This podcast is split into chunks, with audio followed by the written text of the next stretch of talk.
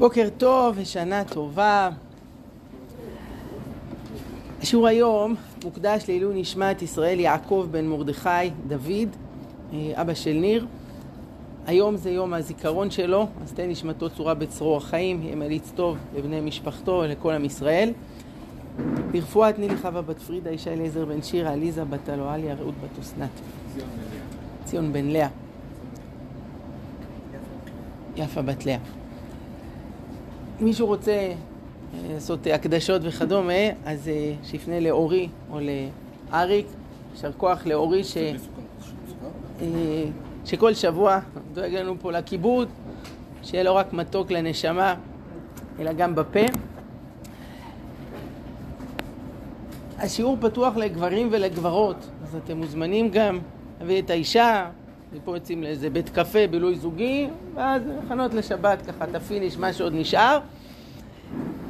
אה, אנחנו זוכרים היום לשיעור המאה ה-80, שזה חי כפול עשר, זאת זכות גדולה, יישר כוח גדול לכולם על ההתמדה ועל השותפות. והשבת, הפרשה הקצרה ביותר בתורה, וילך, 30 פסוקים בסך הכל, ובה מתרחשת העברת השרביט. משה רבנו מעביר את המטה ליהושע בן נון, שנכנס לנעליו הגדולות, ומשה נותן ליהושע עצה. הוא אומר לו כך, חזק ואמץ, כי אתה תבוא את העם הזה אל הארץ אשר נשבע השם לאבותם לתת להם. מה פירוש כי אתה תבוא? אז אומר רש"י, הרי את תעול עם עם מהדן. רש"י כאן מצטט את מי? תתרגום אונקלוס, והפירוש המילולי זה שאתה תיכנס עם העם הזה. משה אמר ליהושע, זקנים שבדור יהיו עימה, הכל לפי דעתן ועצתן. כלומר, כשאתה תכהן כמנהיג, אז לא להיות אה, דיקטטור, שלטון יחיד, אתה תשתף את הזקנים ביחד איתם. לעומת זאת, הקדוש ברוך הוא אמר ליהושע עצה אחרת. אבל הקדוש ברוך הוא אמר ליהושע, כך אומר רש"י, כי אתה תביא את בני ישראל. שימו לב ללשון, לא כי אתה תבוא, אלא כי אתה תביא. על כורחם, הכל תלוי בך. טול מקל ואח על קודקודן, דבר אחד לדור ולא שני דברים לדור. דבר פירושו מנהיג. הקדוש ברוך הוא אומר ליהושע, אתה המנהיג. אתה קובע, אתה מחליט, אתה מנווט, לא אה, ממשלה פריטטית, ראש ממשלה חלופי, אתה המנהיג ואין עוד מלבדך. בעצם אלו שני סגנונות של מנהיגות. רבי יונתן זק, זכר צדיק לברכה, אה, מכנה את זה מנהיגות קונצנזואלית או מנהיגות מצווה. כלומר, האם בתור מנהיג אתה בקונצנזוס, אתה משתף, יש אנשים לצדך, או אתה המנהיג, אתה מצווה, אתה מוביל. רק מה, יוצא פה דבר מעניין, כי בעצם מי שמציע ליהושע לעשות מנהיגות משתפת ועם הזקנים, זה משה, שהוא בעצמו, כן, היה לו את אהרון בתור הדובר שלו, אבל הוא היה המנהיג שקיבל את ההחלטות הוא אפילו, כשצריך לשבור את הלוחות, לא מתייעץ עם הקדוש ברוך הוא. זה מה שצריך לעשות, אני עושה, מוציא את ישראל ממצרים, קורע את הים. הוא היה האיש שקבע, שהחליט, שניווט, הוא, הוא לא הלך בדרך שהוא מציע ליהושע. ולעומת זאת אצל הקדוש ברוך הוא, יוצא ההפך. הקדוש ברוך הוא מציע ליהושע, אתה תהיה המנהיג, אה, דבר אחד לדור, אין שני דברים לדור. דווקא אצל הקדוש ברוך הוא מוצאים שכשהוא הלך לברוא את האדם, מה הוא עשה? אז תראו כאן לפניכם, התורה אומרת, ויאמר אלוהים נעשה אדם. לשון התורה נעשה הוא מפתיע. מדוע? מה זה נעשה? אתה ומי? היה עוד שותף איתך? אז אומר פה רש"י, והדברים ידועים, ענוותנותו של הקדוש ברוך הוא למדנו מכאן. לפי שאדם הוא בדמות המלאכים והתקנאו בו, לפיכך נמלך בהם. וכשהוא דן את המלכים, הוא נמלך בפמליה שלו, שכן מצינו באחיו שאמר לו מיכה, ראיתי את השם יושב על כיסו וכל צבא השמיים עומדים עליו מימינו ומשמאלו. וכולי וכולי, אף כאן בפמליה שלא נטל רשות. כלומר, הקדוש ברוך הוא שליהושע נותן עצה, דבר אחד לדור, ולא שני דברים. אתה המנהיג, אתה תחליט, הוא בעצמו התייעץ עם המלאכים, מלמד אותנו פה ענוותנות. אז, אז יוצא פה דבר משונה. משה רבנו, שנהג במנהיגות יחיד, אומר ליהושע, אתה תשתף את הזקנים. הקדוש ברוך הוא, ששיתף את המלאכים, אומר ליהושע, אתה המנהיג היחיד. ייתכן שגם הקדוש ברוך הוא וגם משה רצו ללמד את יהושע שבעצם אין איזה נוסחה אחת לאיך צריך להנהיג את העם. זה תלוי בסיטואציה, זה תלוי באדם, וצריך כל הזמן לחפש את האיזון הזה בין הצד של להיות מנהיג יחיד, מוביל, מחליט, קובע, דומיננטי, לבין להתייעץ, לשתף, לחלוק. רואים דוגמה לעניין אצל רבן גמליאל. כולה רבן גמליאל די יבנה חי בסוף המאה הראשונה לספירה, תחילת המאה השנייה, אה, בדור שאחרי החורבן. כן, בכבוד. אפשר, תמיד שאלות. כן. ברוך אתה אדוני העולם שהכל יהיה. כאילו, כן. ומשה אומר כי אתה תבוא את העם הזה. כאילו, כאילו, מה שמשה אומר זה מה שהקדוש ברוך הוא בעצם. לא- לא. לא, האמירה הזו היא אמירה של משה, תראה בלשון, אתה תבוא את העם הזה לארץ אשר נשבע השם לאבותם. זה ניסוח של משה. וההבדל היה שהשם אמר, כי אתה תביא את. כלומר, אתה תפוס אותם ותביא אותם. לעומת זאת, משה אומר, אתה תבוא את.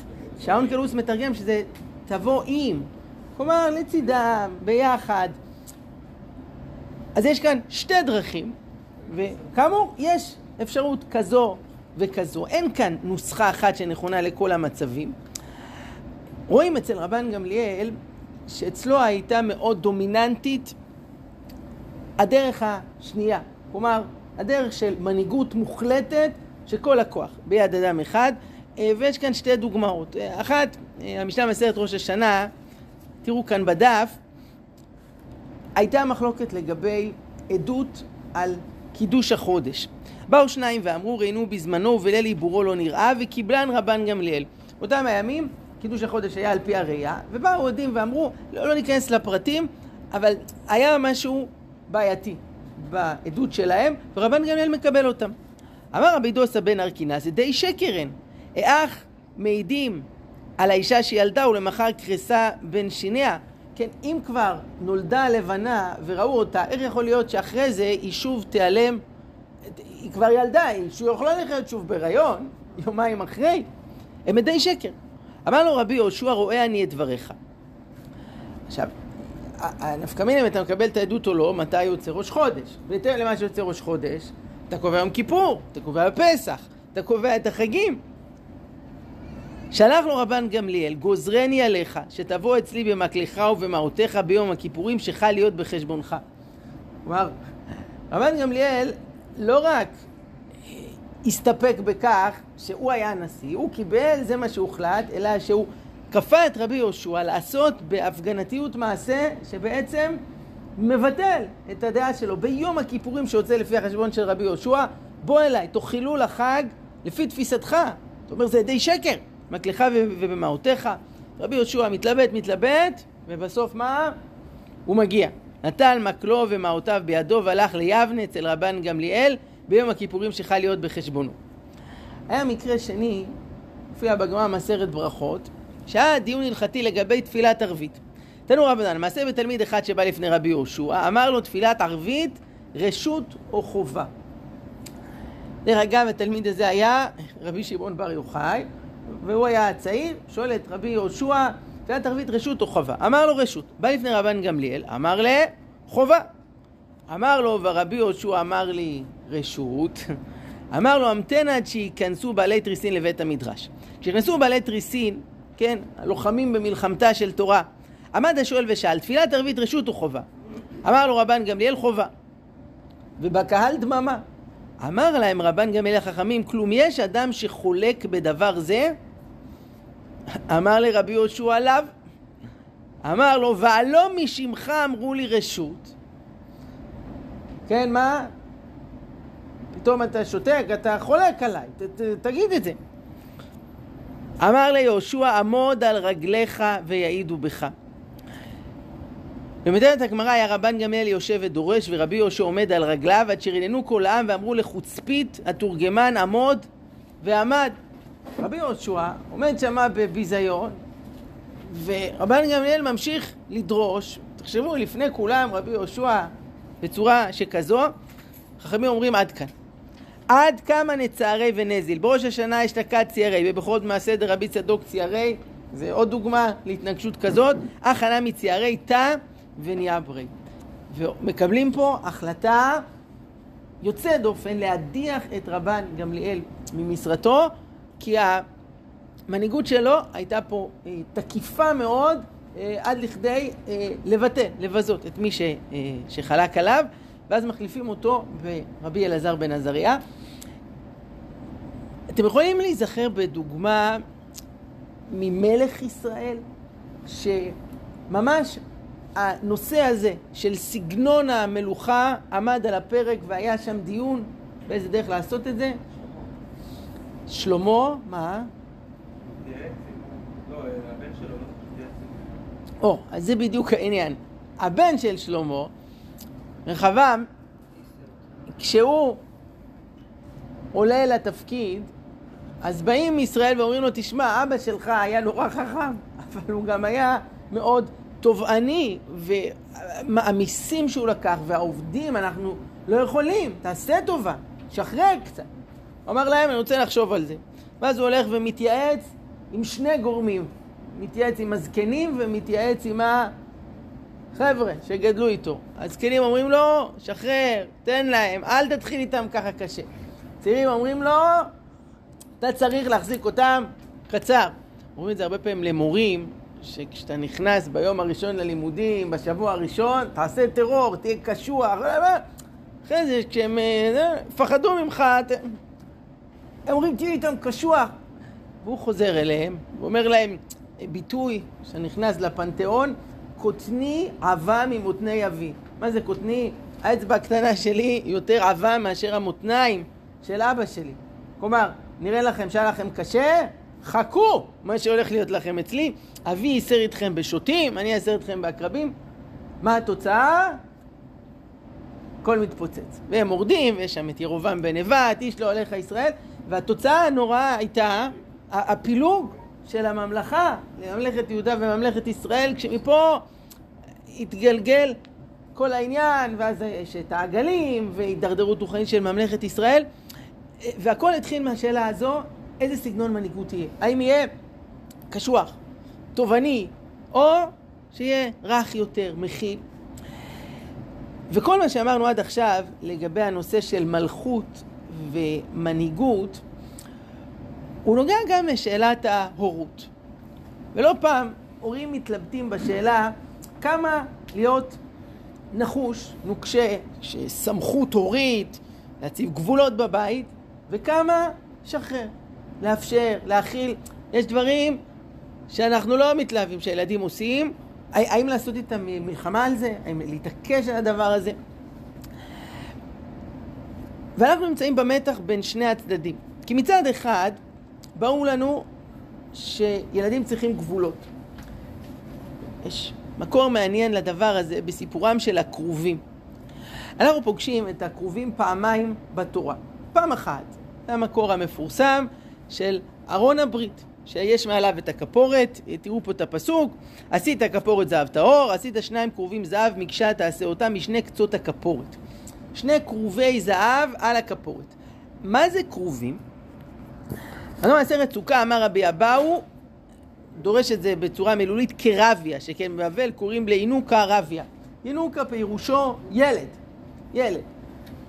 הכרובים היו שני מלאכים בדמות, אה, שני ילדים, ילד וילדה, הם היו על ארון הברית, וזה מדהים, מה יש בקודש הקודשים על ארון הברית? שני מלאכים בדמות ילד וילדה.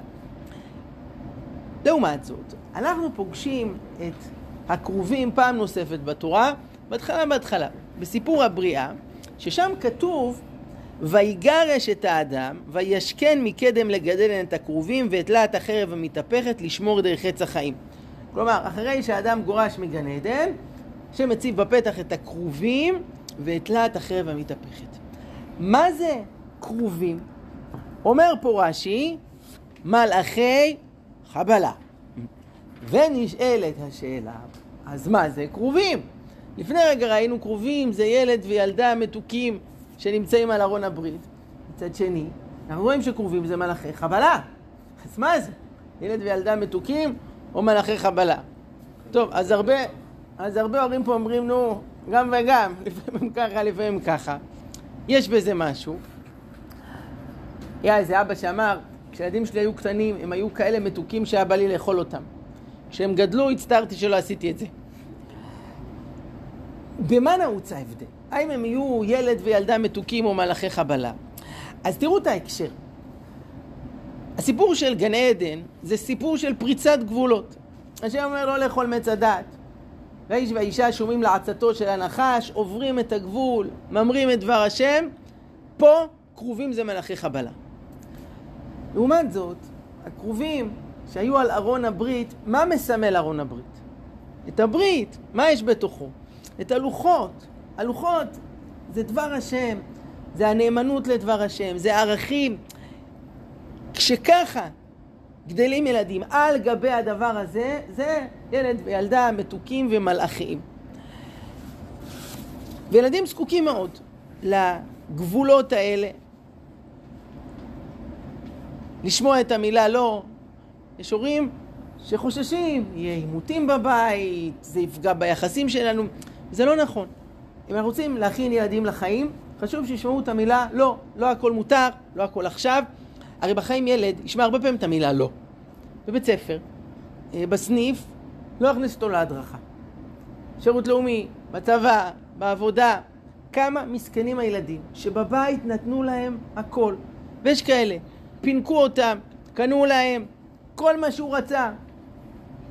ויום אחד הוא יוצא לחיים, ומתברר שזה לא עובד ככה. ויש גם אנשים אחרים וצרכים אחרים. זה מתנה לילד, שהוא יודע יש גבולות. לא הכל מותר, לא הכל אפשרי. צריך לעמוד בזמנים, צריך לעשות את המחויבויות שלו. מצד שני, אז מה, הבית יהיה משטר צבאי, אנחנו נצא למלחמה על כל דבר, הוא עבר את הקו, איחר בשתי דקות. וכאן, אני חוזר אל מה שאמרנו בהתחלה, אין איזה נוסחה מתמטית, מתי אנחנו צריכים להיות נוקשים ומתי לאפשר, לשחרר, להכיל. בסופו של דבר, אם נזכור, זה ילדים. ילדים עושים שטויות, וילדים הם מנסים דברים ומתבגרים וקשה להם, ובסדר, אנחנו מכילים את זה. גם אנחנו היינו לא מזמן ילדים. בגדול, אני יכול להגיד ארבע הבחנות שנותנות לנו איזה כיוון אם ללכת יותר לצד הזה או לצד הזה. אחד, זה הגיל של הילד. כשילד יותר אה, קטן, אז יש יותר מקום לקבוע דברים, בלי הסברים, בלי התחשבויות, עכשיו לגשת להתקלח נקודה. כשילד גדול יותר, אתה לא אומר לו, עכשיו אתה הולך להתקלח. יותר מתוך שיח, אתה שומע את הרצונות שלו, מתי הוא רוצה לחזור, למה זה חשוב לו. מי שממשיך בגיל 16, כמו שהיה בגיל 6, ונותן פקודות וקובע, זה יגרום לפיצוצים, לא יעבוד. אז זה אלמנט אחד, הגיל. שתיים, הנושא. יש דברים שמבחינתנו זה קו אדום. זה עניין עקרוני. אבל לא כל דבר זה קו אדום. מי שכל עניין זה אצלו מלחמה על החיים ולמוות, אי אפשר לחיות ככה. צריך לחשוב מה הדברים שבאמת הכי חשובים לנו, מבחינה חינוכית, מבחינה עקרונית, ולהתעקש עליהם. דברים שלא, לאפשר יותר. שלוש, זה גם עניין כמותי. אומרים, אדם צריך לבחור את המלחמות שלו. גם אם יש כמה דברים חשובים, אבל אי אפשר לעשות מלחמה על הכל. וגם לא רוצים להרוס את היחסים. אם יש בבית כל הזמן מלחמות, אז, אז כבר אין בית, אין, אין קשר, אין מערכת יחסים. צריך לבחור. מה אנחנו רוצים להתעקש עליו, ואיזה דברים לפעמים חשובים, אבל אי אפשר לעשות מלחמה על כל דבר. דבר רביעי זה העניין של האופי. יש אנשים שהם מטבעם, אני אומר את זה גם להורים וגם על הילד, שהם יותר אה, נוקשים, יש כאלה שיותר רכים, שיותר מכילים, יש יותר נחושים, וכל אחד צריך לראות את האופי שלו, את עצמו. יש גם הבדל מסוים בזה בין אבא לאימא, יש צד באימא שהיא יותר אה, רכה ומכילה, ויש באבא שהוא קצת יותר השוטר הרע, חכה חכה אבא יבוא, תראה מה יקרה. אז אנחנו אומרים, זה גם הסיבה למה כתוב כבד את אביך ואת אמך קודם האבא, לעומת איש אמו ואביו תיראו. ביראה שיותר מפחדים מהאבא, אז התורה מקדימה איש אמו ואביו תיראו. לעומת זאת כיבוד, אמא יותר רכה, מפנקת אותו, נותן, אז כבד את אביך ואת אמך. כלומר, לחזק דווקא את הצד של הכבוד של, ה, של האבא. ובסופו של דבר, ככה אם אני מסכם, דיברנו כאן על שני הצדדים, הן של מנהיגות והן של הורות.